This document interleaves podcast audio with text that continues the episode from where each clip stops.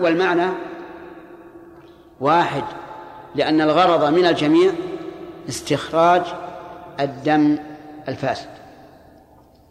وما قاله الشيخ هو الصواب بلا شك. وعلى رأي الشيخ هل الفاسد يفسد صومه أو لا؟ نعم لا يفسد. لماذا؟ لأن العلة التي من أجلها أفطر الحاجم غير موجودة في الشارط والفاصل فلا تفسد طيب هذه هاتان مسألتان المسألة الأولى والمسألة الثانية المسألة الثالثة لو أن الإنسان سقط على محدد محدد يعني إيه؟ حاد وانجرح وخرج منه دم كثير هل يفطر أو لا يفطر؟ لا يفطر لا يفطر. ما ما تعمد. لم يتعمد فلا فلا يفطر. موافقون على هذا؟ ها؟ لا. ها ما في تفصيل. سقط على محدد وانجرح وخرج دم كثير. نعم؟ لا يفطر يا جماعة لا يفطر. كيف يفطر؟ لأنه بغير عمد بغير عمد نعم. كيف يفطر أرأيتم لو أن الإنسان طار إلى حلقه شيء من الماء أو غيره غصب عليه يفطر ولا لا؟ ما يفطر هذه مثله. أي الأول؟ من يتكلم الآن؟ ها؟ ماء يا شيخ ما في البدن بخلاف الماء. إيش؟ خرج الماء يشير الماء في البدن. بخلاف لو صب عليه الماء في فمه شيء لا شيخ وليد هل الإنسان يتعمد أن يسقط على محدد؟ ما يسقط لا فرق. هذا لا لا يفتر. طيب لو لو حك رأسه وأظفاره قوية وانجرح الرأس يفطر أو لا يفطر؟ ليش؟ ها؟ يسير هذا هذا يسير وليس وليس وليس وليس كالحجامة ولا قريبا من الحجامة. ولهذا لو فصد الإنسان جرحا فيه حتى يخرج تخرج المادة وخرج معها دم فلا فلا فطر ولهذا العامة في هذا الباب يشددون جدا جدا. لو أن شفته صار فيها شرط شرط صغير يطلع من الدم يسير جدا. كلام البعوض العام يجي يسأل يقول هل هل يفطر أو ما يفطر؟ على كل حال يحتاط لدينه لكن نحن نقول يفطر أو لا يفطر. لا يفطر. لأنه لا بد أن يكون الدم الخارج مؤثرا كتأثير دم الحجامة. المسألة الرابعة رابعة. لو أن الإنسان أخذ منه دم لعلاج آخر. وسحب الدم لعلاج الآخرين جائز بشرطين الأول أن ينتفع المريض والثاني أن ينتفي الضرر عن المتبرع بالدم. جائز بخلاف الأعضاء. الأعضاء لا يجوز أن يتبرع بها الإنسان أبدا. حتى لو قيل هذا المريض إن لم تتبرع له بالكلية مات. أقول إذا مات فمن الله. ما أتبرع له. أو أو الكبد أو ما أشبه ذلك. ما أتبرع له. حتى بعد موت المتبرع لا يجوز. لأن الإنسان أمانة جسمه أمانة عنده. لا تقتلوا أنفسكم.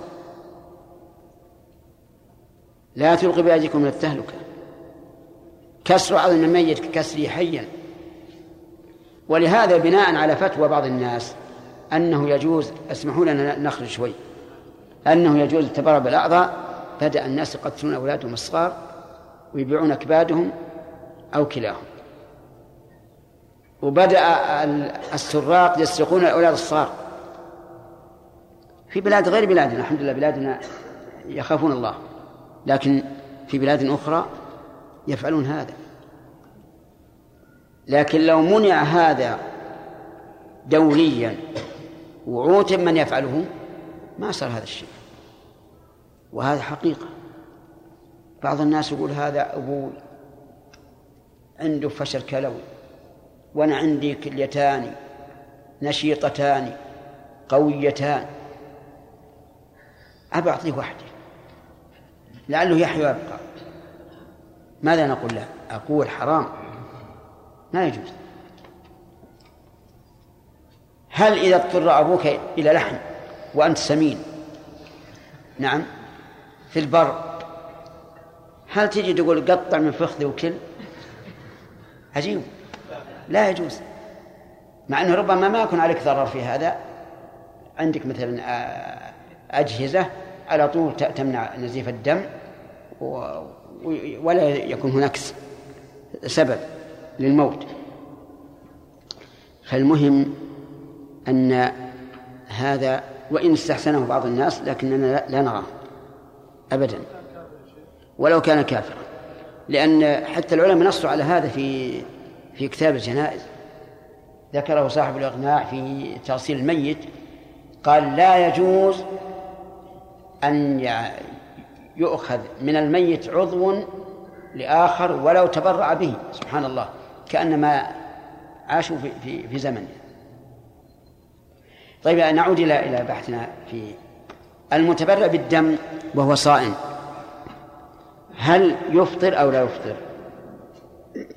نقول إذا كان الدم كثيرا.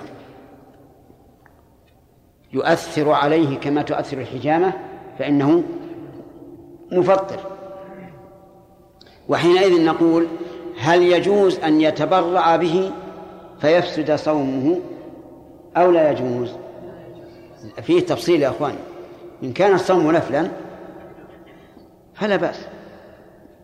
وذلك لأنه لأن النفل يجوز أن يخرج أن يبطله الإنسان.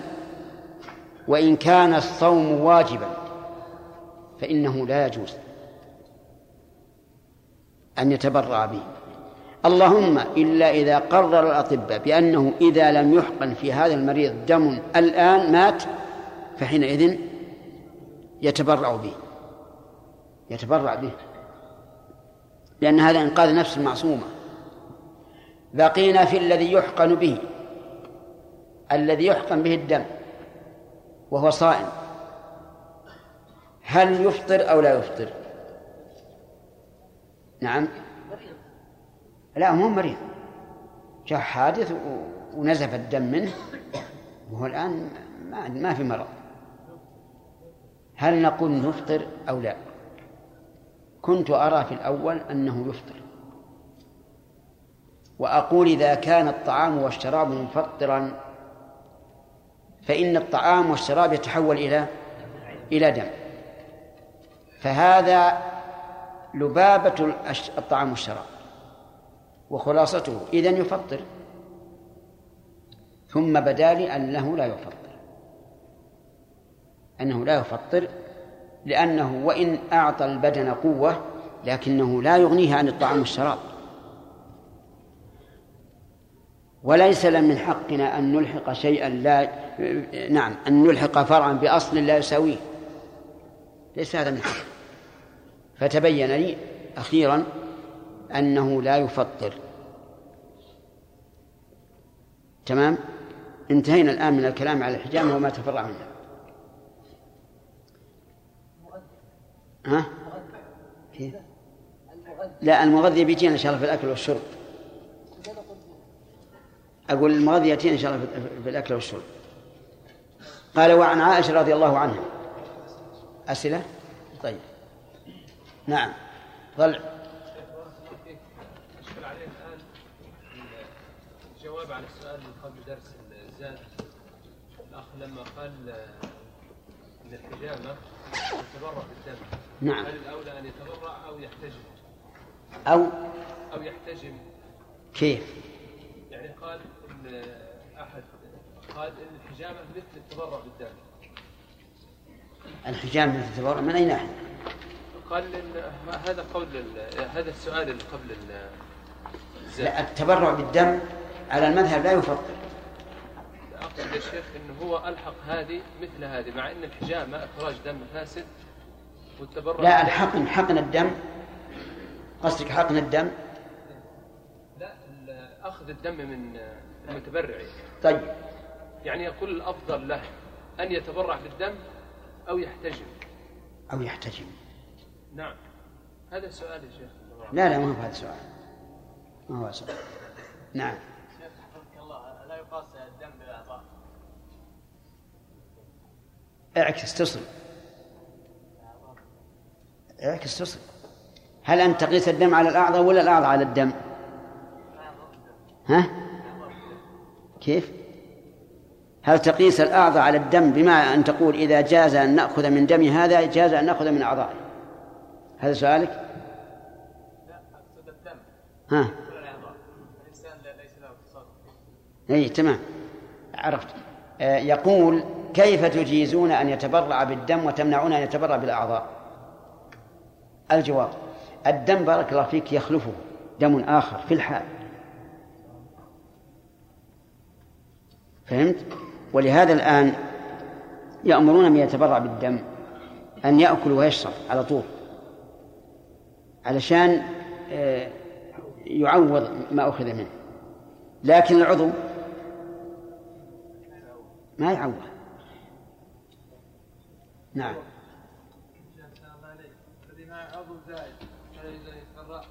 هل إيش؟ عضو زائد زائد مثل إيش؟ ها؟ يعني ثلاث كلى ما يوجد هذا يوجد؟ ها؟ أصبر يوجد ثلاث كلى؟ لست طبيبا حتى نصدقك. نعم أنت كم لك من كله على كل حال حتى لو وجد. نرى أنه لا يجوز. لأن الله عز وجل له حكمة في خلق الثلاث. أما مساء أما الإصبع فلا يمكن لأنه لو قطع من الإصبع ما يمكن يركبونه الواحد. نعم؟ كيف؟ كيف؟ واحد يتكلم واحد. يلا يحيى. يحيى. ها؟ هذا سؤال يا ها؟ أنت عندك سؤال. طيب يلا يا وليد. إيش؟ وال... واليد وال... ما اصبع زائد يبي ياخذون من واحد يركبون بشخص آخر عنده نقص. موجود؟ نعم. هو على كل حال الاصبع الزائد للإنسان أن يجري عملية لإزالته. فإذا كان ينتفع به آخر فلا بالكبد اي نعم. الآن الكبد يأخذون منها قطعة نعم. ثم تنمو تعود مثل ما كانت. ترد يعني مثل الدم؟ أي نعم. وتنمو في شخص آخر فيسوون زراعة كبد لا مثلا مأخوذ منه. هل إنه تسترد ما أخذ منها؟ طيب إذا ثبت هذا إذا ثبت أنها تسترد وفي آخر محتاج قد نقول هذا مثل الدم. لكن التبرع بالكبد اللي أفهم إنه يتبرع بكل الكبد. ما هو كل الكبد؟ على كل حال ما عندنا أطباء يا جماعة والهرش هذا ما هو ما هو مقنع. الله وسلم وبارك على نبيه الأمين وعلى آله وأصحابه أجمعين. نقل الحافظ ابن حجر رحمه الله تعالى في كتاب الصيام عن عائشة رضي الله عنها أن النبي صلى الله عليه وعلى آله وسلم اكتحل في رمضان وهو صائم. رواه ابن ماجه بإسناد ضعيف وقال الترمذي لا يصح في هذا الباب شيء. يكون الأفضل تسكين الهاء الماجة رواه ابن ماجه رواه ابن ماجه بإسناد ضعيف وقال الترمذي لا يصح في هذا الباب شيء. وعن أبي هريرة رضي الله عنه قال قال رسول الله صلى الله عليه وعلى آله وسلم من نسي وهو صائم فأكل و- أو شرب فليتم صومه فإنما أطعمه الله وسقاه متفق عليه وللحاكم من أفطر في رمضان ناسيا فلا قضاء عليه ولا كفارة وهو صحيح. بسم الله الرحمن الرحيم الحمد لله رب العالمين وصلى الله وسلم على نبينا محمد وعلى آله وأصحابه ومن تبعهم بإحسان إلى يوم الدين. قال ابن الحافظ ابن حجر في بلوغ المرام في كتاب الصيام فيما ساقه من الأحاديث وعن عائشة رضي الله عنها أن النبي صلى الله عليه وعلى آله وسلم اكتحل في رمضان وهو صائم. اكتحل أي وضع كحلا في عينه والكحل معروف. وأحسن ما يكتحل به الإنسان الإثمد فإن الإثمد يصحح النظر ويقويه ويجمل العين ويشد الأجفان ففيه مصالح كثيرة. وقد ذكروا أن زرقاء اليمامة التي تبصر من مسيرة ثلاثة أيام. ذكروا أنهم لما قتلوها وجدوا عروق عينيها كلها مملوءة من الإثمد وكان النبي صلى الله عليه وعلى آله وسلم يكتحل به. ولكن هل الإثمد المذكور موجود الآن؟ أم ما يوجد في الأسواق تقليل له؟ قال بعض الناس إنه يوجد. الإثمد الأصلي وقيل إنه لا يوجد وإنما هذا يشابه لون لونه لونه والمرجع في ذلك إلى الأطباء فإذا قالوا إن في هذا الموجود في السوق منافع كمنافع الإثمد الأصلي فليستعمل. وقولها رضي الله عنها في في رمضان أي في نهار رمضان. بدليل قوله وهو صائم. فجملة وهو صائم حال من فاعل يكتحل. والجملة الحالية ترد كثيرا في الكلام. وميزانها أن يحل محلها والحال كذا. تقول زارني فلان والشمس طالعة. قدر. والحال أن الشمس طالعة. اكتحل في رمضان وهو صائم والحال أنه صائم. هذه علامة الجملة الحالية المقترنة بالواو. علامة الجملة الحالية غير المقترنة بالواو. أن تقع بعد معرفة وصفا لها.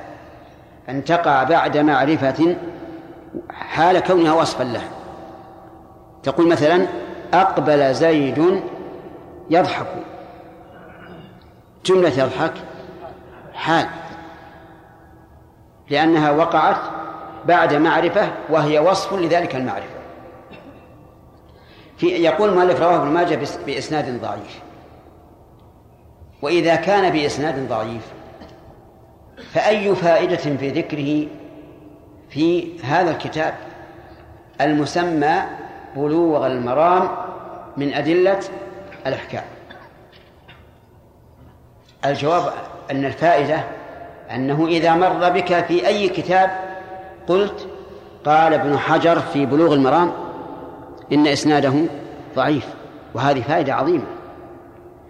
لأنه يوجد في كتب الفقهاء رحمهم الله كثير من الأحاديث الضعيفة لأن الفقهاء رحمهم الله لا يحررون الأحاديث كما يحررها أهلها.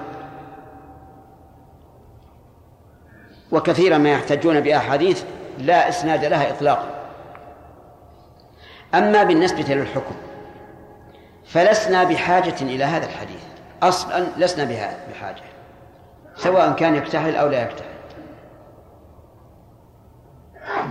لأننا إذا تدبرنا النصوص وجدنا أن المفطرات لا يدخل فيها الكحل لا يدخل فيها أصلا. فهل هو أكل؟ شرب؟ جماع؟ آه، قي؟ حجامة؟ ليس من المفطرات وإذا لم يكن من المفطرات فمن زعم أنه مفطر فعليه الدليل. وحينئذ نحتاج إلى دليل لإثبات أنه مفطر لا لدليل إثبات أنه إيش؟ غير مفطر لأن الأصل عدم التفطير به. وحينئذ فنقول الكحل للصائم لا بأس به سواء كان الصوم نفلا أو فريضة. وسواء وجد طعم الكحل في حلقه أم لم يجده. لأن بعض الكحال لها نفوذ قوي. يصل طعم الكحل إلى الحلق. فهل يفطر؟ نقول لا يفطر. لأننا إذا عددنا المفطرات لم نجده فيها. أفهمتم؟ طيب. ثم إنه ليس مناط الحكم أن يصل الطعم إلى الحلق بل مناط الحكم أن يصل المأكول إلى المعدة التي هي مجتمع الطعام. أما الحلق فالواصل إليه لا يفطر. طيب. قال بعض العلماء رحمهم الله إن الكحل إذا بلغ الحلق ووجد طعمه في حلقه أفطر. ولكن هذا القول ضعيف. ما الذي يدل على ضعفه؟ عدم الدليل. عدم الدليل على أنه مفطر. والعين ليست منفذا للطعام والشراب. حتى يقال إن هذا وصل إلى الحلق. فعندنا الآن آه، علتان عظيمتان. أولا أن الحلق ليست منفذا للطعام والشراب. العين نعم. أن العين ليست منفذا للطعام والشراب. ما رأينا أحدا إذا أراد أن يأكل وضع اللقمة في عينه ولا وضع الشراب في عينه. هذه واحدة. ثانيا من قال إن العلة في في المفطر وصوله إلى الحلق؟ من قال هذا؟ ما ما تستطيع أن تثبت. فكان. فعلى هذا التقرير نقول إن الكحل لا يفطر مطلقا سواء وجد طعمه في حلقه أم لم يجد. فإن قيل هذا ينتقض عليكم بما لو تسعط في شيء فوصل إلى حلقه. السعود أين؟ من الأنف. فالجواب أن الأنف منفذ. منفذ يوصل إلى المعدة. يوصل إلى المعدة. بدليل أن المرضى يسعطون بالدواء ويصل إلى المعدة وينتفع به المريض. بخلاف العين. فإذا قال إذا تسعط بشيء ووصل إلى حلقه هل تفطرونه به أو لا؟ نقول إن كان مظنة أن يصل إلى المعدة فإننا نفطره به. لأنه إذا وصل إلى الحلق ثم ازدرده إيش؟ نزل إلى المعدة. أما إذا علمنا أنه لا يصل وإنما مجرد يعني مجرد طعم كحرارة أو شبهها فإنه لا يفطر وبناء على ذلك يكون هذا الدواء الذي يستعمل للربو وهو بخار لا يصل إلى المعدة يكون غير مفطر لأنه لا يصل إلى المعدة. وإنما هو شيء بارد يفتح مسام النفس. فلا فلا يوصل فلا يوصل إلى المعدة. سؤال لو أن إنسانا وجد وطئ على حنظلة فوجد طعمها في حلقه هل يفطر أو لا؟ تعرفون حنظلة؟ نعم. أي حب مر جدا. يضرب به المثل في المرارة. فوصل وهو نافذ سبحان الله. نفوذا عظيما. إذا وطأه الإنسان و... و... وانفضخ في تحت قدمه أحس بطعمه في حلقه. لا يفطر. حتى على المذهب الذين يقولون إن الكحل يفطر إذا وصل الحلق. يعللون هذا يقولون لأن العين ليست منفذا. ها؟ أي لأن القدم ليس منفذا. لأن القدم ليس منفذا. فنقول والعين أيضا ليس منفذا معتادا. ثم قال وعن أبي هريرة رضي الله عنه قال قال رسول الله صلى الله عليه وعلى آله وسلم من نسي وهو صائم نسي. النسيان يطلق على معنيين الأول الترك والثاني الذهول عن الشيء. الأول الترك والثاني الذهول عن الشيء. مثاله في الترك قول الله تبارك وتعالى نسوا الله فنسيهم. مع نسوا الله؟ أي تركوه ولم يقوموا بأوامره ولم ينتهوا عن نواهيه. فنسيهم يعني إيش؟ تركهم. تركهم. ولم يعبأ بهم. طيب. ومن نسيان بمعنى الذهول هذا الحديث وكذلك قوله تعالى ربنا لا تؤاخذنا إن. إيش؟ إن نسينا أو أخطأنا. قوله تعالى ربنا لا تؤاخذنا إن نسينا أو أخطأنا. الذهول عن الشيء.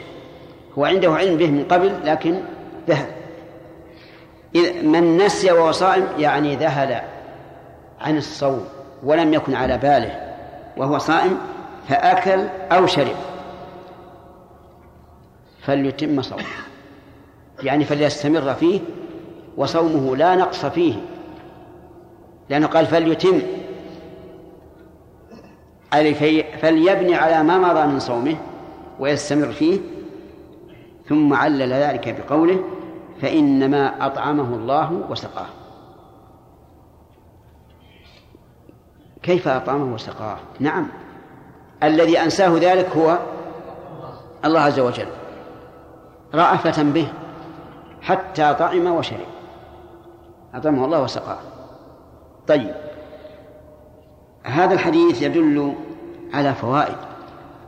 أولها ساعة رحمة الله عز وجل وأن رحمته سبقت غضبه. ولهذا تجاوز عن هذه الأمة النسيان. وهذه نعمة. ثانيا أن فعل الناس لا ينسب إليه لأنه بغير اختياره ما اختار المخالفة أبدا. ولهذا قال إنما أطعمه الله وسقاه. ومن فوائد هذا الحديث أن الأكل والشرب مفطران. أن الأكل والشرب مفطران. بدليل أنه نفى فعل الأكل والشرب أو حكم فعل الأكل والشرب عمن كان ناسيا. فيؤخذ منه أن من كان متعمدا إيش؟ يأكل ويشرب. إذن المفطرات. الأكل والشرب والجماع والإنزال والحجامة إذا ظهر الدم. هذه خمسة اللي مرت علينا الآن. خمسة. ويقال في الشرب كما قيل في الأكل. آه، ومن فوائد الحديث أنه لا فرق بين أن يأكل نافعا أم ضارا. أم لا نافع ولا ضار. النافع. اسمك؟ ها؟ الله يا عبد الله. النافع مثل إيش؟ مثل يعني الرز. طيب تمام. آه الضار يحيى إيش؟ حنظلة الحنظل يضر؟ أو السم. ها؟ أو السم. أو السم. طيب. أو الدخان. طيب. لكن الدخان ليس بأكل. طيب. ما ليس بنافع ولا ضار. يحيى. تأكل شيء ما ينفع ولا يضر. مثل إيش؟ الطعام ينفع. ها؟ الطعام ينفع لكن في, في شيء لا ينفع ولا يضر. ما تدري؟ صالح. إيش؟ خرز. خرز إيش؟ خرج المسبحة. نعم. وش اللي يضر خلاص وش يضر ها؟ ها؟ ما إيش؟ ما تهضم من بطن لا يا تهضم تهضم الآن الأولاد الصغار يا جماعة يبلعون الزرار هذا تعرفون هذا الزرار؟ يبلعه الصبي ويطلب. نعم باختلاف المطالع إيش؟ يتكلم صالح اي وش يقول؟ اختلاف إيش؟ المطالع إيش المطالع؟ الهلال يعني الهلال اختلاف المطالع الهلال مو هذا إحنا نسأل عن شيء لا ينفع ولا أرأيتم لو أكل ورقا ورقا عاديا مثل هذا ينفع؟ ما ينفع. يضر ولا يضر. هذا أيضا لو أكله وهو صائم أفطر طيب. إذا أكل شيئا لا يمكن أن يذوب في المعدة إطلاقا وإذا لم يذوب لم ينفع بلا شك. مثل الخرز. خرز يكفي مثال واحد. الخرز نقول هذا يفطر. فإن قال قائل هذا لا تحصل به فائدة. والأكل والشرب المذكور في القرآن والمذكور في هذا الحديث تحصل به فائدة. فالجواب وما يدرينا. ما يدرينا. أليس النبي صلى الله عليه وسلم يعصب على بطن الحجر من الجوع؟ وينتفع بذلك. إذا إذا رص المعدة انتفعت به. فلعل هذا إذا ملأ هذه المعدة من أي شيء وعلى كلام الأخ محمد الشرافي لو ملأ من القروش المعدنية. هذا كلامك؟ يبلع قروش معدنية. يحصل. يحصل نعم حصل. هذا على كل حال الخلاصة الأكل والشرب مفطران مفسدان للصوم سواء كان نافعين أم ضارين أم لا نافعين ولا ضارين. تمام؟ طيب الجماع سيأتي إن شاء الله. الإنزال إنزال المني. سبق. ما سبق؟ الحجامة سبقت. طيب فيه أشياء الآن حدثت أخيرا. تغرز في الجلد أو في اللحم أو في الدم. فهل تفطر؟ الجواب لا. لا تفطر لأنها ليست أكل ولا شرب ولا بمعنى الأكل والشرب فلا تفطر سواء كانت في الدم يعني في الوريد أو كانت في الجلد أو كانت في اللحم لا تفطر الإبر تغرس في الجلد تغرس في في الدم تغرس في اللحم ما تعرف الإبر؟ لا إله إلا الله أتعرفونها؟ ها؟ الإبرة المعروفة تغرز هذا يدفع الماء اللي فيها. يدفع إيه الإبرة إيش؟ إبرة الخياط. سبحان الله. لا أحيانا محمد الشرافي يجيب أشياء غريبة. على كل حال كلنا نعرف الإبرة وكل العلماء يعبرون بهذا. الإبرة التي يعالج بها. وتدفع ماء إما في العروق أو في الجلد أو في اللحم. هل تفطر أو لا؟ نقول إنها لا تفطر. نقول بذا إنها لا تفطر. لماذا؟ لأنها هل هي أكل ولا شرب؟ إذن لا تفطر. أي إنسان يدعي أن شيئا ما مفطرا آه، مفطر فإن عليه الدليل. طيب في إبر ثانية تكون مغذية.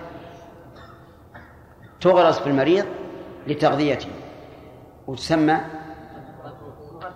كوز؟ هم هذه لا لها اسم خاص. الكيلزو على كل تعرفونها أنتم. هذه الإبر هل تلحق بالطعام والشراب؟ بناء على أنها تغني عن الطعام والشراب أو لا تلحق؟ فيه احتمال. فيه احتمال أن لا تلحق. والفارق أن الطعام والشراب يحصل به لذة عند مضغه وعند جرعه ويتمتع به الإنسان. ولذلك إذا كان المريض يغذى بواسطة الإبر هذه تجده مشتاقا تماما إلى إلى الأكل والشرب. وهذا يعني أنه ليس بمعنى الأكل والشرب. وقد يقال إنها مفطرة لأنها تغني عن الأكل والشرب. يبقى المريض عليها أياما أو أشهرا. وما كان بمعنى الشيء ألحق به حكما كما تقتضي الشريعة. هذا التعليل واضح ولا غير واضح؟ واضح. طيب بقينا في مسألة التلذذ. أن الإنسان يتلذذ بالأكل والشرب ولا يتلذذ بهذه الإبر. قد يقول قائل إن هذا لا أثر له. لا أثر له. لأن كونه يتلذذ أو لا يتلذذ هذا ليس له ليس له أثر. بدليل أن الاستنشاق استنشاق الماء إذا وصل إلى المعدة يفطر مع أن الاستنشاق إيش؟ لا لذة فيه وعلى هذا فنقول هذه الإبر الاحتياط القول بأنها مفطرة. هذا الاحتياط. وفائدة ذلك أن لا يستعملها المريض إلا إذا جاز له أن يفطر. أن لا يستعملها المريض الصائم إلا إذا جاز له أن يفطر. فإذا فإذا احتاج إليها وقال الأطباء لابد أن تحقن به. وهو صائم حينئذ نقول لا بأس. يتناولها ويفطر أو يأكل ويشرب أو لا يأكل ويشرب لأنه أبيح له أن يفطر. إذن ألحق الأكل والشرب وما كان بمعناهما. مفطر طيب. ومن فوائد هذا الحديث أن الصائم لا يفطر بالأكل والشرب إذا كان ناسا لا يفطر بالأكل والشرب إذا كان ناسا لو شبع. لو روي. لو روي. لكن متى يزول هذا الحكم؟ إذا ذكر ولو كانت الجرعة في فمه وجب عليه أن يمجها. ولا يجوز أن يبتلع ولا يجوز أن يبتلعها لأن الحكم يدور مع علته فما دام ناسيا فلا شيء عليه. فإذا ذكر ولو كان الماء في فمه أو الجرعة في فمه وجب عليه أن يخرجها من فمه. فهمتم يا جماعة؟ طيب. من فوائد هذا الحديث أن صوم الناس إذا أكل أو شرب لا نقص فيه لا نقص فيه. الدليل قوله فليتم صومه. فدل هذا على أن استمراره في صومه إتمام للصوم ويعني لا نقص فيه. والحمد لله على نعمه.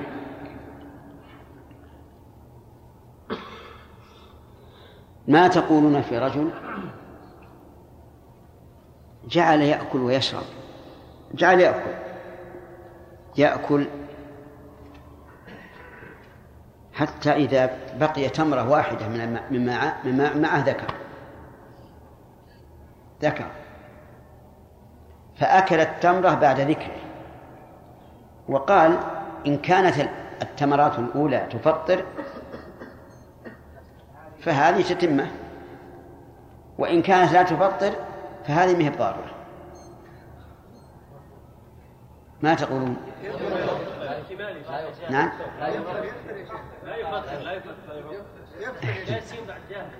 طيب. هو على كل حال هذه وقعت فعلا. واحد اشترى عنبا. عنب وذهب به إلى أهله وجعل يأكل من العنب. ناسيا أنه صائم. لما وصل إلى أهله قالوا كيف؟ شنو أكل وأنت قال والله ناس. باقي وحده. فأكله. وقال إن كان الأولات لا تفطر فهذه من فطر وإن كانت تفطر فقد أفطر ذهب إلى الشيخ القاضي في ذلك الوقت وسأله. قال له لو لم تأكل هذه الواحدة لكان صومك تاما لكن أنت الآن تعمدت أن تأكلها. فأفسدت صومك. وهذا حق. كأن وليدا يقول إنه لا يفطر. لأنه جاهل. فنقول هذا جاهل لكنه ليس بمعذور. لأنه كان الواجب عليه لما شك فيها أن يسأل. فهذا قد تعمد الخطأ لقوله تعالى فاسألوا أهل الذكر إن كنتم لا تعلمون. وعلى هذا فيكون فتكون فتكون فتوى هذا القاضي صحيحة. طيب. و و وللحاكم من أفطر في رمضان ناسيا فلا قضاء عليه ولا كفارة هو صحيح.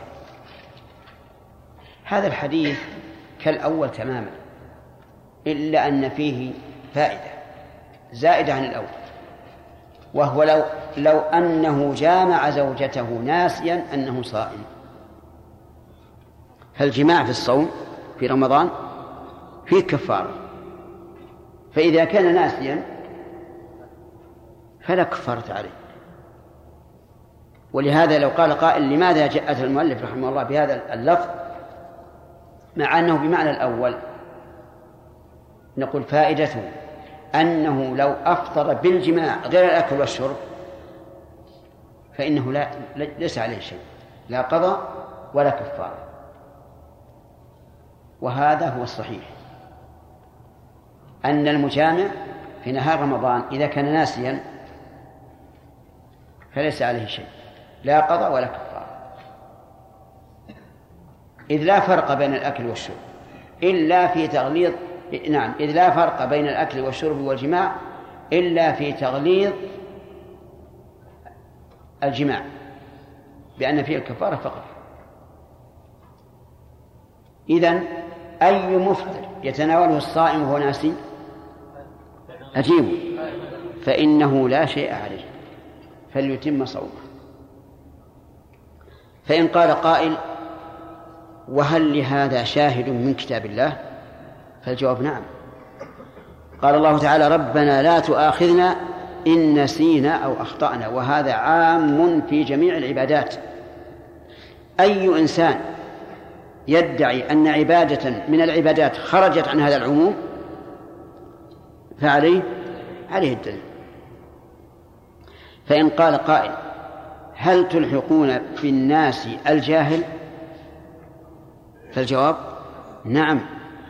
نلحقه به بل أولى.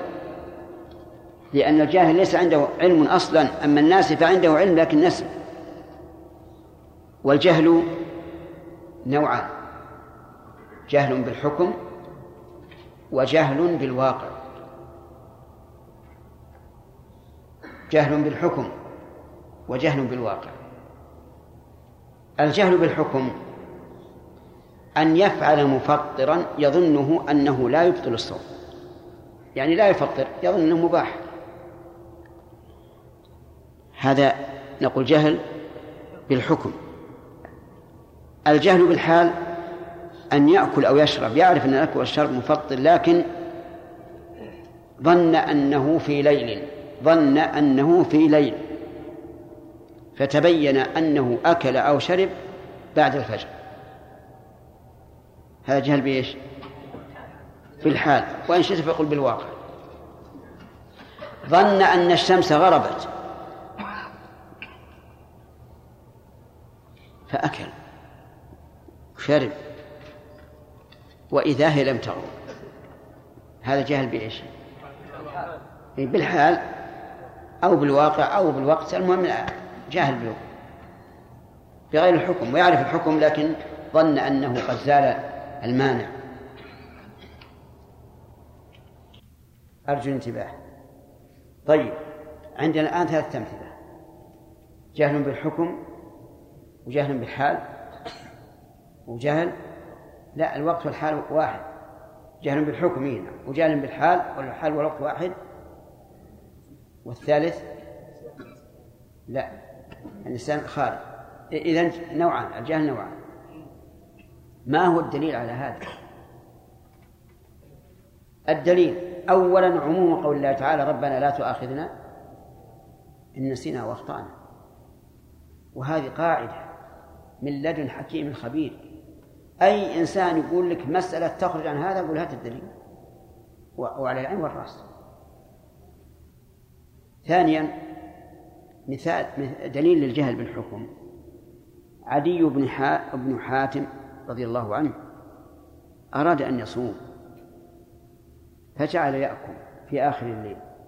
وقد وضع تحت وسادته عقالين أحدهما أبيض والثاني أسود.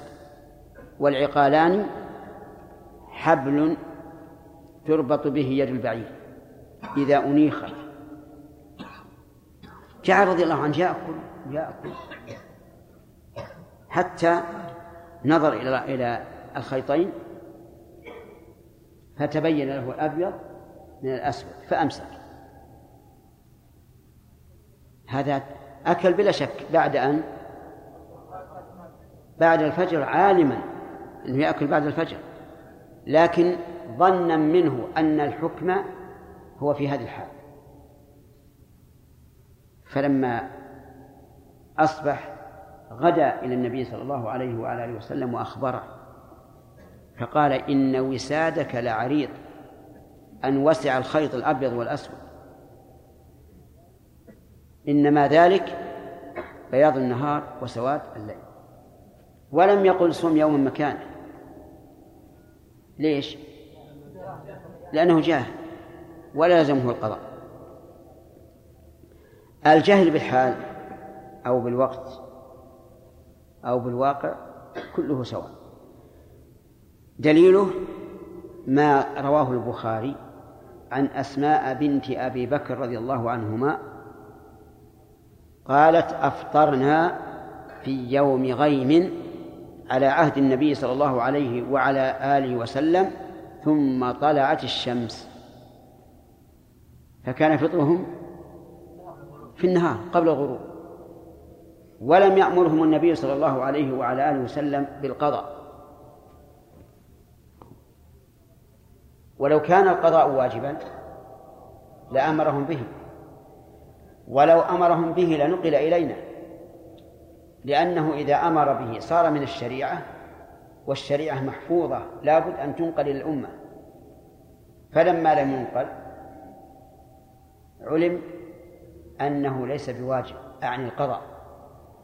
ثم هو داخل في العموم ربنا لا تؤاخذنا إن نسينا وأخطأنا وأما قول بعض الفقهاء رحمهم الله إنه في هذه الحال يلزمه القضاء وكذلك في الحال الأولى يلزمه القضاء فليس فقول ضعيف. ما عليه دليل. فإن قال قائل إذا تسوون بين الأكل في آخر الليل والأكل في آخر النهار في أنه إذا كان جاهلا فلا قضاء عليه. فالجواب نعم نسوي. لكن الفرق في في مسألة واحدة. إذا أكل شاكا في غروب الشمس فهو حرام عليه. لأنه لا يجوز أن يفطر إلا عن يقين أو غلبة ظن. وإذا أكل شاكا في طلوع الفجر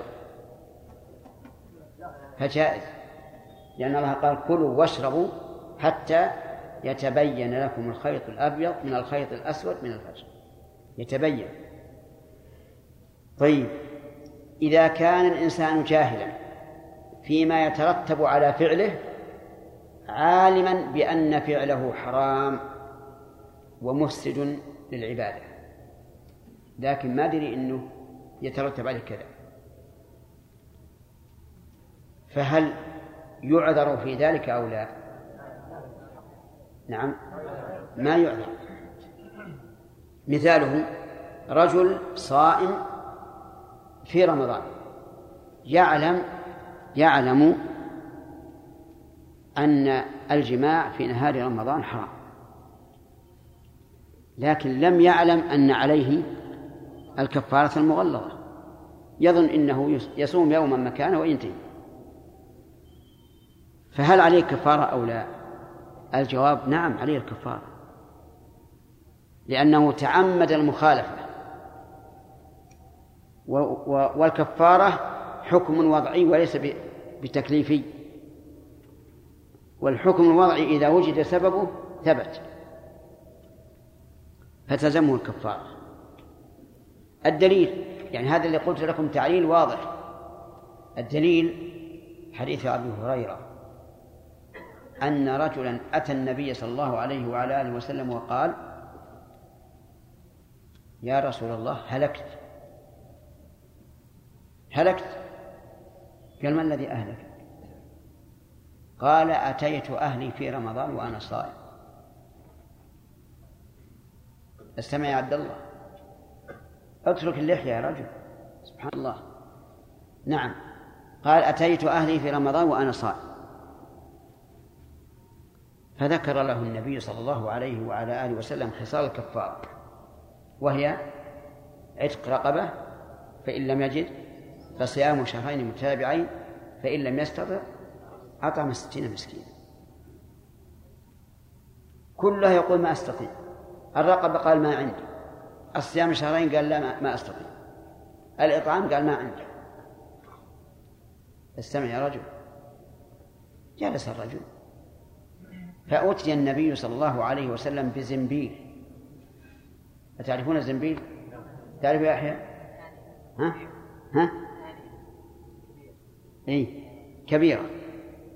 يوضع فيها الشيء طيب. فقال للرجل خذ هذا تصدق به.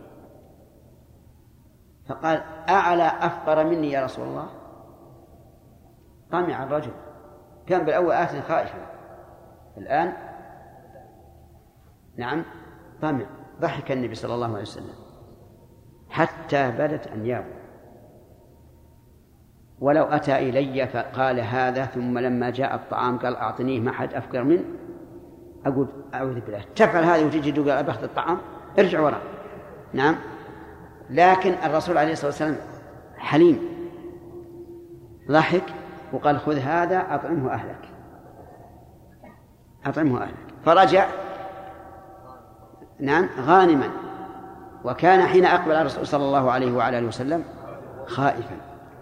المهم أني أستشهد بهذا الحديث أو أستدل بهذا الحديث على أن من علم الحكم وجهل ما يترتب عليه لم يسقط عنه ما يترتب عليه. نعم. الله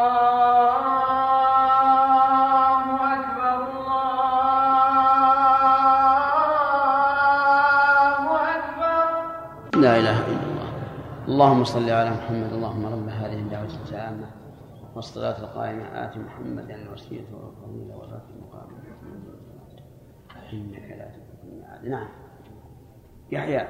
الله إذا رأيت رجلا إذا إذا رأيت رجلا يأكل وهو ناسي يأكل. يأكل نعم. في رمضان وهو ناسي. نعم. هل يجب علي أن أذكره؟ سمعتم السؤال؟ يقول رأيت رجلا يأكل ناسيا هل يجب علي أن أذكره؟ فالجواب نعم. يجب أن تذكره لأن هذا من باب التعاون على البر والتقوى. وكما لو نسي أحد في صلاته تشاهد يصلي ونسي وقام إلى إلى ثالثة مثلا في ثنائية يجب عليك أن تذكره. وكما لو رأيت رجلا يريد أن يصلي في ثوب نجس وتعلم أنه ناس أو جاهل وجب عليه أن تذكره وتعلم وليد. إيه؟ حديث أبي هريرة دليل على على أن- أن الكفارة تسقط بال- بالعجز يا شيخ. أن لا تسقط بالعجز. أن تسقط بالعجز. لا تسقط بالعجز.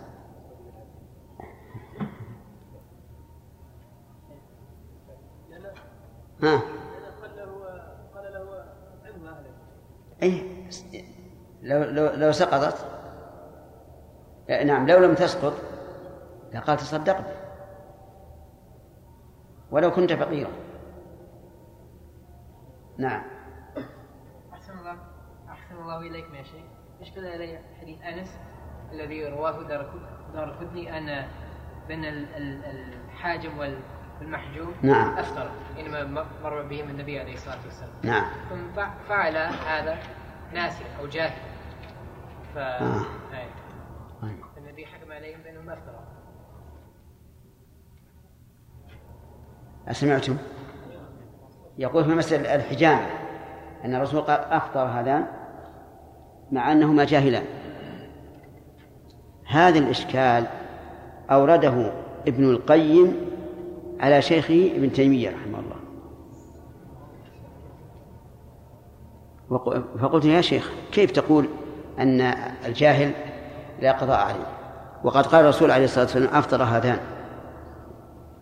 أجاب ابن- تيمية رحمه الله قال إن المراد بذلك هو الحكم على الجنس لا على المعين.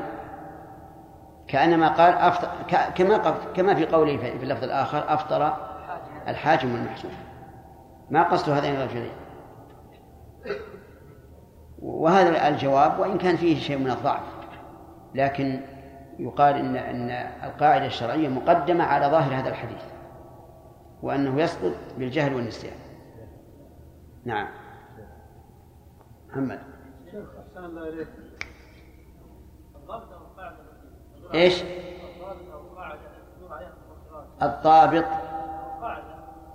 تدور عليها الضابط.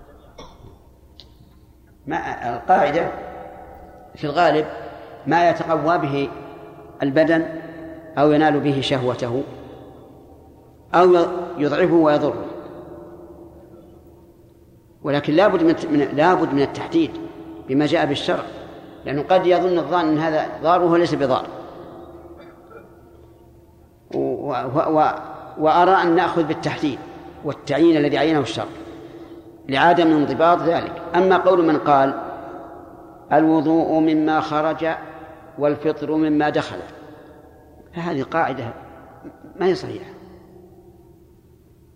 أتدرون لما قالوا هذا؟ قالوا الوضوء مما خرج. يعني فلا وضوء من لحم من أكل لحم الإبل. قالوا الفطر مما دخل يعني فلا فطر بالحجامة وال- والقي. فنقول من هذه هذه قاعدة باطلة. تخالف النصوص. فمن أصلها ومن قعدها وهل لنا أن نقاعد قواعد و و ونرمي ما جاء من من النصوص مخالفا لها بالأرض؟ ليس لنا هذا. انتهى الوقت؟ طيب. انتهى الوقت. لنا أوقات محددة. كم؟ ما يخالف بعد الصلاة. ما أنت مصلي؟ ما أنت مصلي؟ جماعة. صلي معنا فهي نافلة. تكون نافلة لك. ما أنت بطالع الآن أذن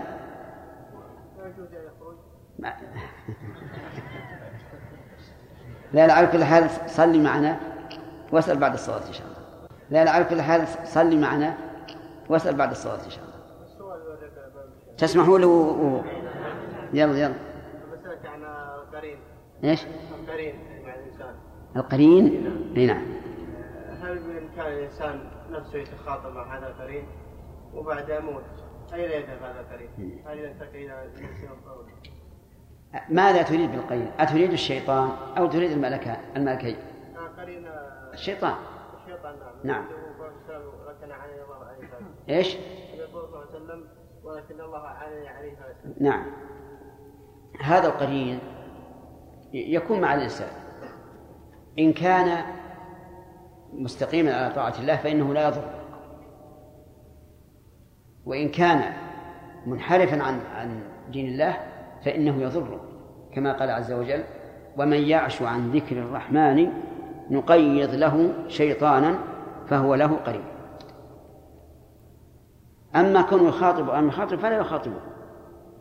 اللهم إلا إذا كان عند الإنسان وساوس فقد يخاطبه نفسيا يعني يحس بأن شيئا يخاطبه وليس كذلك. أما مخاطبة مواجهة فهذا لا يمكن. فهمت؟ غيبي من من اللي علم الغيب؟ لا لا يلقي في قلب الشيء ال- الإنسان أشياء تضله تضله. أما إذا مات أين يذهب؟ فلا ندري أين يذهب. ما ندري أين يذهب الله أعلم. إذا مات الميت الإنسان ما ندري أين يذهب قرينه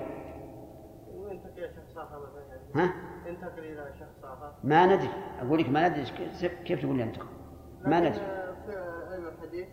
استطاع أنه يسيطر على هذا القرين من يسيطر؟ هذا علم الحديث. إيه. ما ما هو صحيح. العلم الحديث لا يمكن أن يتدخل في هذه الأمور.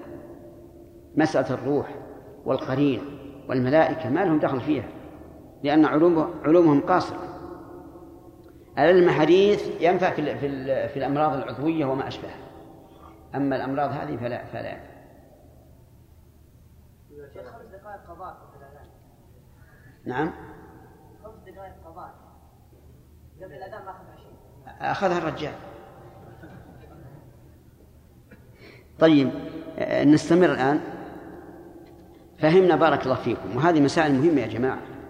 فهمنا أن جميع المفطرات مع النسيان لا تضر لكن بمجرد ما يذكر ينزع عنها. مع الجهل لا تضر أيضا مع الجهل سواء جهل بالوقت أو جهل بالحكم. لا تضر لكن متى علم؟ متى علم؟ ينزل ولا يستمر. ومن ذلك وإن كان لا يناسب كثيرا منكم لو أن الإنسان جامع زوجته في- آخر الليل وحين الجماع تبين له أنه أنه قد أصبح. قد طلع الصبح. فهل عليه قضاء وكفارة؟ نعم. هو الآن بارك الله فيكم الآن هو يفعل هذا الشيء يجامع وطلع الفجر. إن استمر وهو يعلم أن الفجر طلع فعليه القضاء والكفارة ما في إشكال. عليه القضاء والكفارة. وإن نزع ولم يكمل فماذا؟ الصحيح أنه لا شيء عليه. الصحيح أنه لا شيء عليه. وقال بعض الفقهاء عليه القضاء والكفارة. لأنه يتلذذ بالنزع كما كما يتلذذ بالجماع فهذا التلذذ يوجب عليه القضاء والكفارة أفهمتم يا جماعة؟ ها؟ إيش؟ ما اتضح إنسان جامع زوجته يظن أن الفجر لم يطلع في أثناء الجماع تبين أن أن الفجر طالع إن بقي فقد جامع بعد أن علم بالح- بالحال وإن نزع فلا شيء عليه. لكن بعض الفقهاء قال عليه القضاء والكفارة إذا نزل فصار على هذا القول مشكل. إن واصل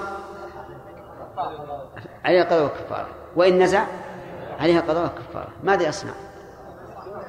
نعم إيش؟ إيش؟ وش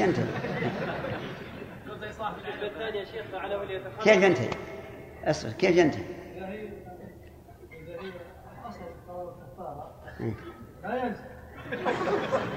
لا لا هذا غلط هو على كل حال يجب عليه الناس ولا يجوز أن يستمر لكن إيجاب القضاء والكفارة عليه. في هذه الحال ضعيف. وإن كان هذا وجوب القضاء والكفارة هو المذهب ولهذا عبارتهم النزع جماع. النزع جماع. لكن هذا القول ضعيف لا شك. لأن هذا من تكليف ما لا يطاق. وقد قال الله تعالى ربنا ولا تحملنا ما لا طاقة لنا به. لأنه إن بقي فهو آثم وإن نزع فهو آثم. كيف هذا؟ ما يصير فهذا القول أيضا ضعيف. فنقول يجب عليه فورا أن ينزع ولا شيء عليه. هذا القول هو الراجح. لا شك فيه. وش تقول يا وليد؟ فعله ليتخلص أي نعم صحيح. فعله ليتخلص. ما فعله ليتلذذ نظير ذلك لو أنه في غصب ارضا غصب ارضا ولما صار في وسط الأرض تاب إلى الله. هنا يجب عليه أن يردها لصاحبه إن بقي فهو آثم. قال بعضهم وإن مشى فهو آثم. من وسط الأرض إلى إلى طرفها ليش يمشي بملك غيره وهو لم يأذن له فهو آثم. ماذا يصنع؟ نعم يطير فوق؟ إن طار فوق مشكل. الهواء تابع للقرار. لكن مثل هذه الأشياء التي يقصد بها التخلص لا شيء عليه. لأنه الآن فعله هذا للتخلص. أهو طاعة أو معصية؟ طاعة. كيف نقول أنه آثم بالطاعة؟ ولهذا كان القول الراجح أن من استمر في الحرام للتخلص منه فلا شيء عليه. لا سيما في فيما ذكرنا في مسألة الصيام. طيب بقي بقي قرين الجهل والنسيان. وصاحبهما الذي لا يفارقهما غالب وهو الإكراه. هل يفطر الإنسان إذا أكره على الفطر؟ الجواب لا. لا يفطر. دليل ذلك قول الله تبارك وتعالى وليس عليكم جناح يا فراس فيما أخطأتم به وليس عليكم جناح فيما أخطأتم به ولكن ما تعمد قلوب وهذا لم يتعمد مكره. وقال الله عز وجل من كفر بالله من بعد إيمانه إلا من أكره. وقلبه مطمئن بالإيمان ولكن من شرح بالكفر صدرا فعليهم غضب من الله ولهم عذاب إيه؟ عظيم. وإذا كان الكفر وهو أعظم الذنوب لا يثبت حكمه مع الإكراه فما دونه من باب أولى. وعلى هذا لو كانت المرأة صائمة وأرادها زوجها وأبت وقالت إني صائمة الصوم فريضة. فأكرهها وجامعها فماذا عليها؟ لا شيء عليه لا شيء عليه يعني مكره وهذا أيضا واضح. لكن لو أنها حين أكرهها طاوعت. ولم تمكنه من نفسها لدفع الإكراه ولكن مطاوعة للإكراه. فهذه اختلف فيها العلماء رحمهم الله فقال بعضهم إن هذه غير معذورة. والصحيح أنها معذورة وأن المكره على أي فعل إذا فعله دفعا للإكراه أو لداعي الإكراه فهو, فهو سواء. لا شيء لا شيء عليه. هل تفهمون الفرق؟ طيب. إنسان أكره على الكفر بأن يقول ربي فلان الرئيس مثلا. فقال ربه فلان. قاله لا يريد أن يدفع الإكراه. قاله للإكراه. ولا على باله أنه قصد دفع الإكراه. هذا لا, لا شك أنه مكره ولا لا؟ مكره. هذا مختلف فيه. هل يكفر أو لا يكفر؟ لأنه أراد الكفر. الثاني قيل له قل ربي فلان. فأبى فقالوا إما أن تفعل أو الضرب أو الحبس. أو الموت. فقال ربي فلان لا يريد أن يكون ربه فلانا أراد إيش؟ أن يدفع هذا الإكراه. هذا لا شيء عليه لأنه أصلا ما قصد. والصحيح أنه لا فرق بين الصورتين. لا سيما العامي لأن العامي ما يعرف الفرق بين بين المسألتين. مثال ثالث. رجل أكره على أن يطلق زوجته. وقيل طلق زوجتك وإلا فالحبس أو الموت. فقال زوجتي طالق. يريد دفع الإكراه لا يريد أن يطلق يريد دفع الإكراه. فهذا نجيب جماعة. لا طلاق عليه لأنه ما أراد الطلاق. ورجل قيل له ذلك فقال زوجتي طالق يريد الطلاق لكنه أراده إكراها. فهذا فيه الخلاف والصواب أنه لا طلاق عليه. الصواب أنه لا طلاق عليه لأنه ما أراده عن اختيار. والعامي لا يفرق بين الصورتين قطعا. الحمد لله. إذا نقول يشترط لإفساد الصوم بالمفطرات ثلاثة شروط. الأول أن يكون ذاكرا. وضده؟ ضده جماعة. ما يقول لا خمس أنفار؟ من هالعدد الكثير؟ ضده إيش؟ طيب. ثانيا أن يكون عالما. ضده؟ الجاهل. ثالثا أن يكون مريدا. ضده؟ المكره. تمام. طيب. رجل أراد أن يتمضمض. فنزل من الماء شيء إلى المعدة بغير قصد. ماذا نقول؟ لا شيء عليه؟ ليش؟ غير قاصد. غير قاصد إطلاقا. فلا شيء عليه. وكذلك أيضا لو أنه استنشق الماء ونزل إلى المعدة ماء من استنشاقه لكن ما قصد فليس عليه شيء لأنه غير قاصد. افهموا هذه الضوابط بل هذه القواعد. وكما بينا ليست من قول فلان وفلان. من قول من؟ ماجد. من الكتاب والسنة من قول الله ورسوله. من قول الله ورسوله. والمشرع هو الله عز وجل. وليس لنا أن نلزم عباد الله بما بما لا يلزمهم. ولا أن نرفع عنهم ما يلزمهم. نحن مبلغون لا مشرعون. فإذا دل الكتاب والسنة على أن هذا شيء على أن حكم هذا كذا وكذا فإننا يجب علينا أن نأخذ به وأن لا نفتي الناس بغيره. والله لا أعلم لأحد عذرا إذا أفتى بشيء يدل القرآن والسنة على خلافه وهو عالم ما له عذر. طيب. نستمر.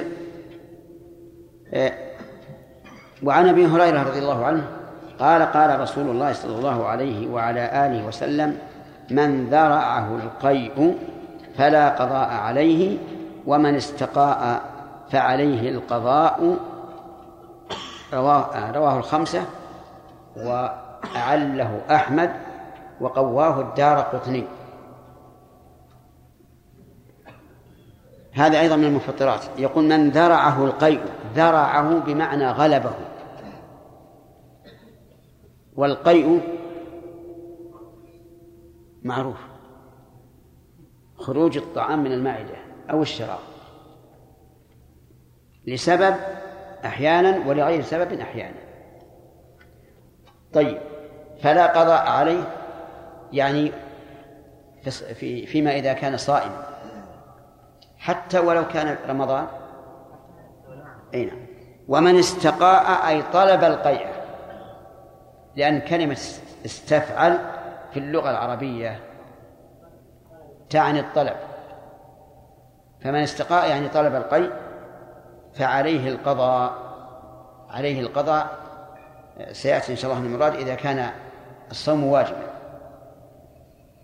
في هذا الحديث فوائد.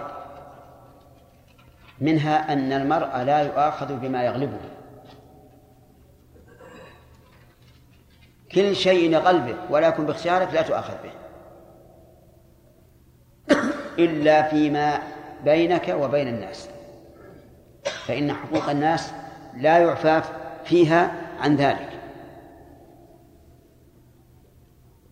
فلو أكرهت على إحراق مال إنسان فعليك الضمان.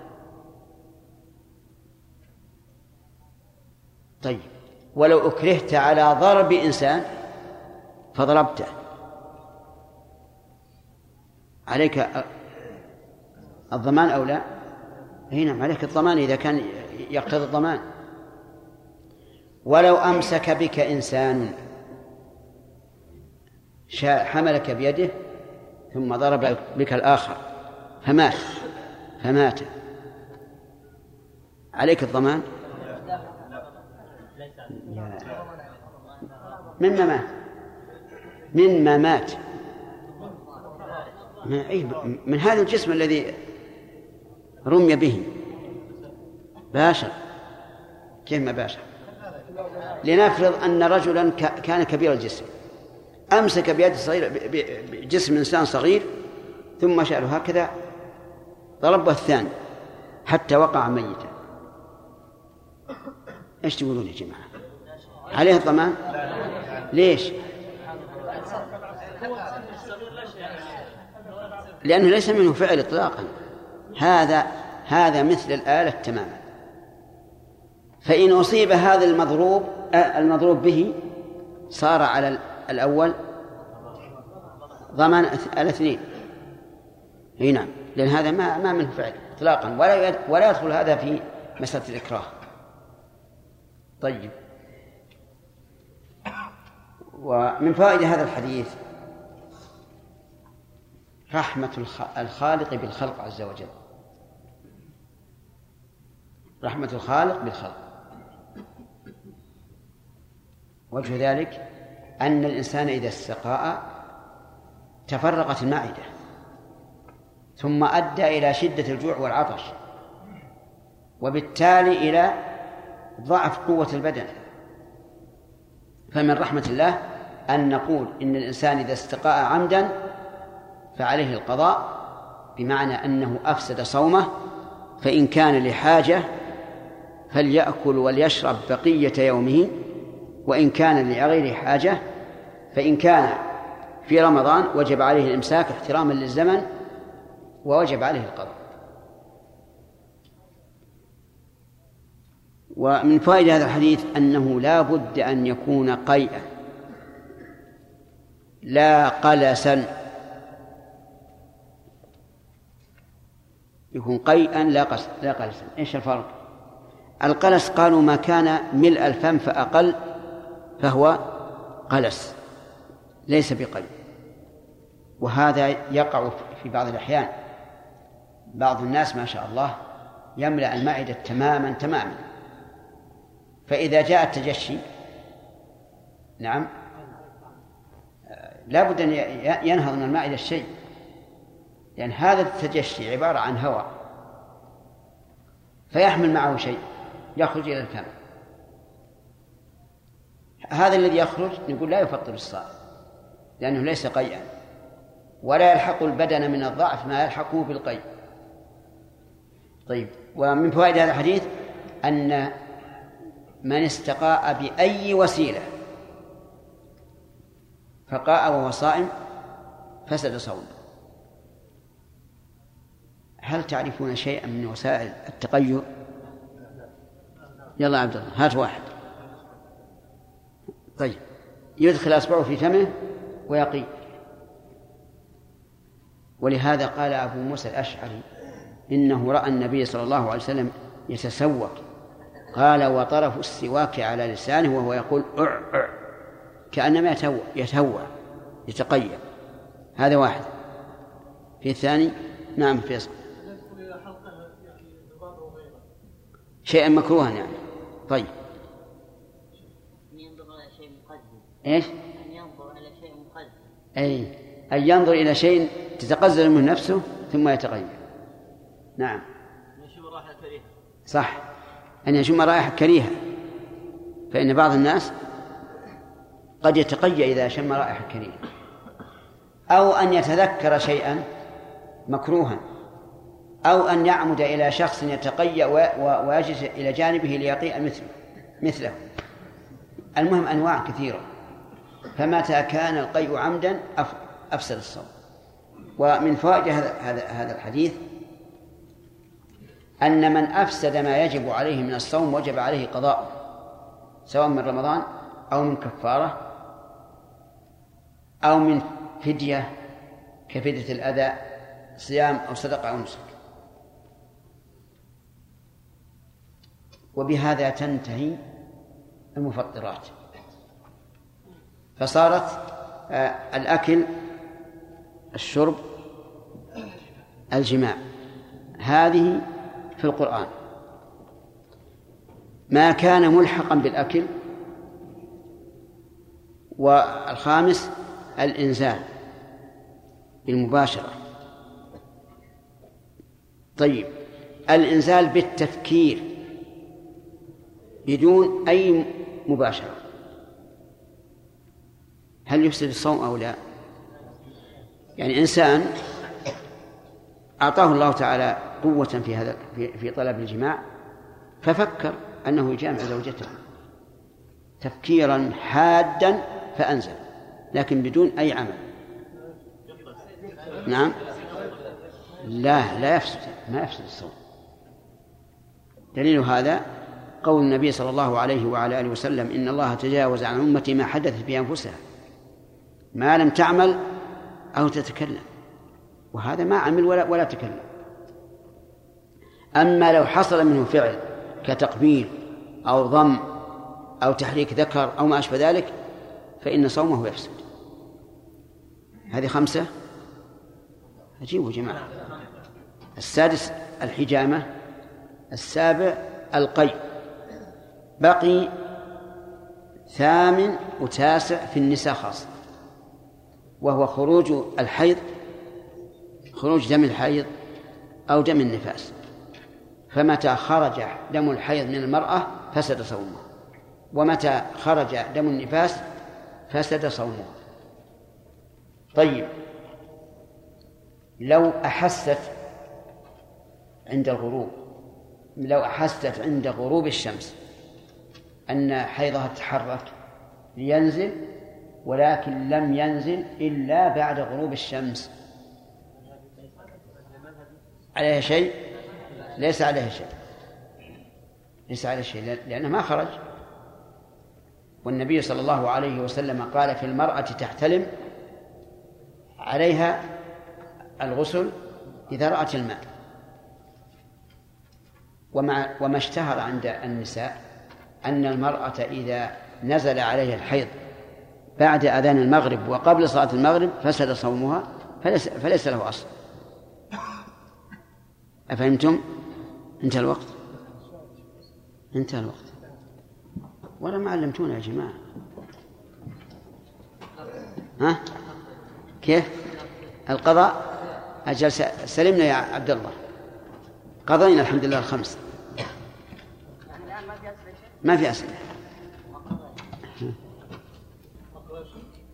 نعم رحمه الله عن جابر بن عبد الله رضي الله عنهما أن رسول الله صلى الله عليه وسلم خرج عام الفتح إلى مكة إلى مكة في رمضان فصام حتى بلغ بلغ صراع الغميم فصام الناس ثم دعا بقدح من ماء فرفعه حتى نظر الناس إليه فشرب ثم قيل له بعد ذلك إن بعض الناس إن بعض الناس قد صام.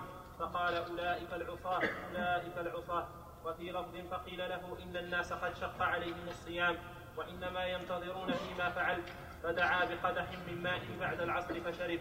رواه مسلم. وعن حمزة بن عمرو الأسلمي رضي الله عنه أنه قال يا رسول الله إني أجد في قوة على الصيام في السفر فهل علي جناح؟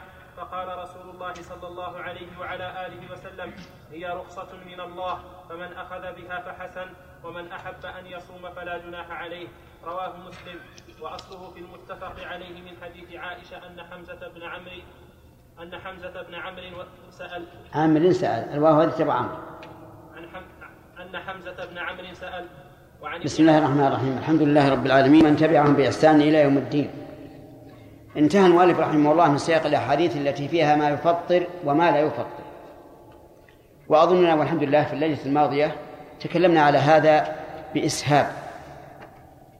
وقرنا ما ما بيناه من الأحكام بأدلته من الكتاب والسنة. وهذا هو الذي أدعوكم ونفسي إليه أن يكون ارتكاز ما نقوله ما نقوله من الأحكام أو نفتي به على الكتاب والسنة. لأن هذا هو الذي سنسأل عنه يوم القيامة. كما قال عز وجل ويوم يناديهم فيقول ماذا أجبتم المرسلين؟ ولكن نستعين بما يقوله العلماء رحمهم الله في كتبهم مما استنبطوه من الكتاب والسنة. وليس معنى هذا أن نهدر ما كتبه العلماء السابقون. بل أن نعتبره ولكن لا نقدمه على الكتاب والسنة. متى تبين الحكم من الكتاب والسنة؟ فقف. واعلم أن الخير فيما دل عليه الكتاب والسنة. وأنه إذا قيل يترتب على كذا كذا وكذا. مثلا إذا قال يترتب على قولكم إنه لو أكل أو شرب بعد طلوع الفجر جاهلا أن يتهاون الناس ويؤخرون السحور نعم السحور. قلنا لا لا يترتب عليها هذا ما يترتب عليها لأن لسنا نقول الناس تسحروا إلى أن تطلع الشمس إلى غير ذلك مما يريده بعض الناس. يقول مثلا إذا رخصتم للصائم أن يباشر ويقبل. يلزم من هذا أن يتهاون الناس بالصيام. ويكون الصائم يباشر ويقبل.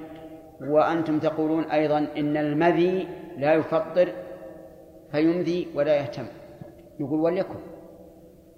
ما دام هذا أمرا أحله الله عز وجل على لسان رسوله صلى الله عليه وعلى آله وسلم فلا يحل فلا يحل لنا أن نضيق على الناس. هذه قاعدة يجب على طالب علم أن يمشي عليها.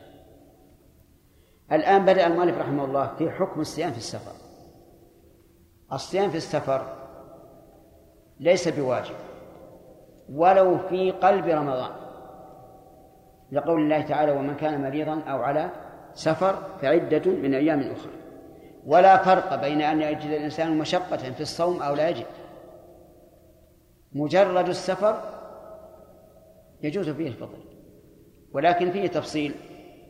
قد يكون مكروها وقد يكون مباحا وقد يكون حراما كما سيأتي إن شاء الله. ولكن ما هو السفر الذي تثبت فيه الرخص؟ ما هو السفر الذي تثبت فيه الرخص؟ هل هو كل سفر؟ أو السفر أن يقطع الإنسان مسافة معينة أو ما أشبه ذلك؟ لننظر ويحسن أن نقرأ عليكم ما قاله المحشي عن ابن القيم. قال ابن القيم رحمه الله ولم يكن من هديه صلى الله عليه وسلم تقدير المسافة التي يفطر فيها الصائم بحد. ما حدها بحد. ما قال ثمانين كيلو ولا مئة كيلو ولا مئتين كيلو ولا غيره. ما حد. بحد. ولا صح عنه في ذلك شيء. وقد أفطر دحية بن خليفة في سفر ثلاثة أميال. وقال لمن صام؟ قد رغبوا عن هدي محمد صلى الله عليه وعلى آله وسلم. وكان الصحابة حين ينشئون السفر يفطرون من غير اعتبار مجاوزة البيوت. ويجدون أن ذلك سنته أن ذلك إيش؟ سنته وادي سنته وادي صلى الله عليه وسلم. على كل حال لا شك أن أنه لم يرد في القرآن ولا في السنة تقدير المسافة. لا بستة عشر فرسخا ولا بأقل ولا أكثر. ما ورد. لكنها قضايا أعيان صادف أن النبي صلى الله عليه وعلى آله وسلم سافر وفي حديث أنس في صحيح مسلم كان النبي صلى الله عليه وسلم إذا خرج مسيرة ثلاثة أميال أو فراسخ صلى ركعتين.